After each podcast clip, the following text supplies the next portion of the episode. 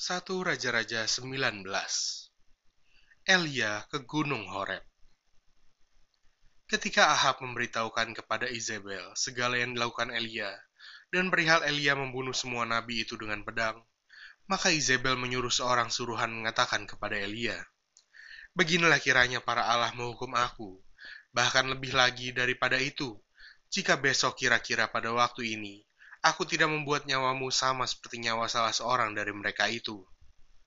Maka takutlah ia, lalu bangkit dan pergi menyelamatkan nyawanya. Dan setelah sampai ke Beersheba, yang termasuk wilayah Yehuda, ia meninggalkan bujangnya di sana. Tetapi ia sendiri masuk ke padang gurun sehari perjalanan jauhnya, lalu duduk di bawah sebuah pohon arar. Kemudian ia ingin mati. Katanya, Cukuplah itu, sekarang ya Tuhan, ambillah nyawaku, sebab aku ini tidak lebih baik daripada nenek moyangku. Sesudah itu ia berbaring dan tidur di bawah pohon arar itu. Tetapi tiba-tiba seorang malaikat menyentuh dia serta berkata kepadanya, Bangunlah, makanlah. Ketika ia melihat sekitarnya, maka pada sebelah kepalanya ada roti bakar dan sebuah kendi berisi air. Lalu ia makan dan minum kemudian berbaring pula.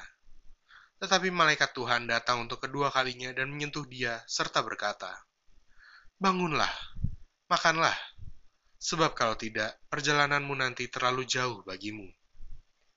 Maka bangunlah ia, lalu makan dan minum. Dan oleh kekuatan makanan itu, ia berjalan 40 hari 40 malam lamanya, sampai ke gunung Allah, yakni gunung Horeb.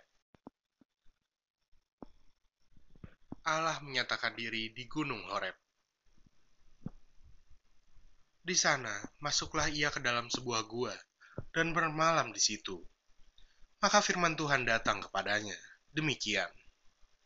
Apakah kerjamu di sini, hai Elia? Jawabnya, Aku bekerja segiat-giatnya bagi Tuhan, Allah semesta alam.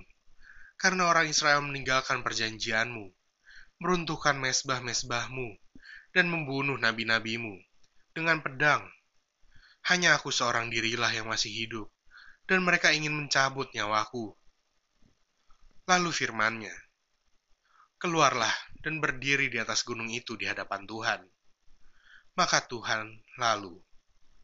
Angin besar dan kuat yang membelah gunung-gunung dan memecahkan bukit-bukit batu mendahului Tuhan.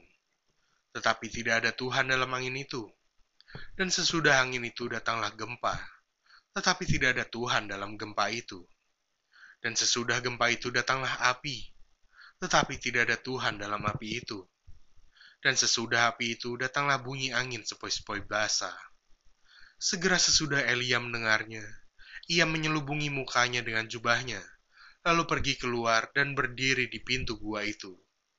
Maka datanglah suara kepadanya yang berbunyi, Apakah kerjamu di sini, hai Elia?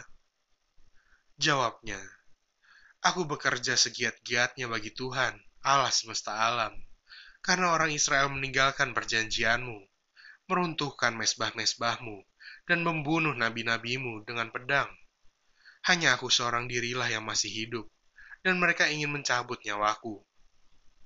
Firman Tuhan kepadanya, Pergilah, kembalilah ke jalanmu, melalui padang gurun ke Damsyik.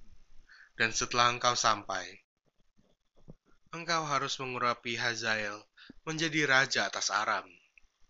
Juga Yehu, cucu Nimsi, haruslah kau urapi menjadi raja atas Israel.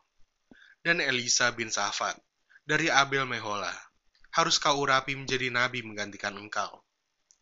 Maka siapa yang terluput dari pedang Hazael akan dibunuh oleh Yehu, dan siapa yang terluput dari pedang Yehu akan dibunuh oleh Elisa.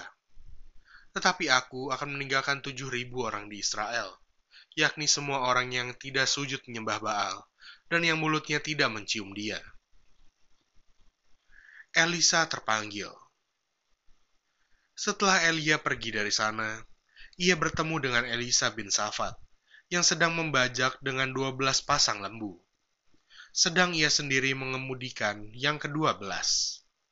Ketika Elia lalu dari dekatnya, ia melemparkan jubahnya kepadanya.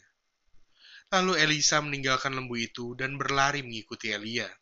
Katanya, biarkanlah aku mencium ayahku dan ibuku dahulu, lalu aku akan mengikuti engkau.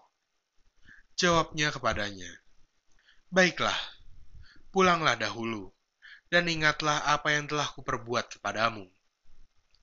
Lalu berbaliklah ia daripada Elia. Ia mengambil pasangan lembu itu, menyembelihnya, dan memasak dagingnya dengan bajak lembu itu. Sebagai kayu api, ia memberikan daging itu kepada orang-orangnya. Kemudian makanlah mereka. Sesudah itu bersiaplah ia, lalu mengikuti Elia dan menjadi pelayannya.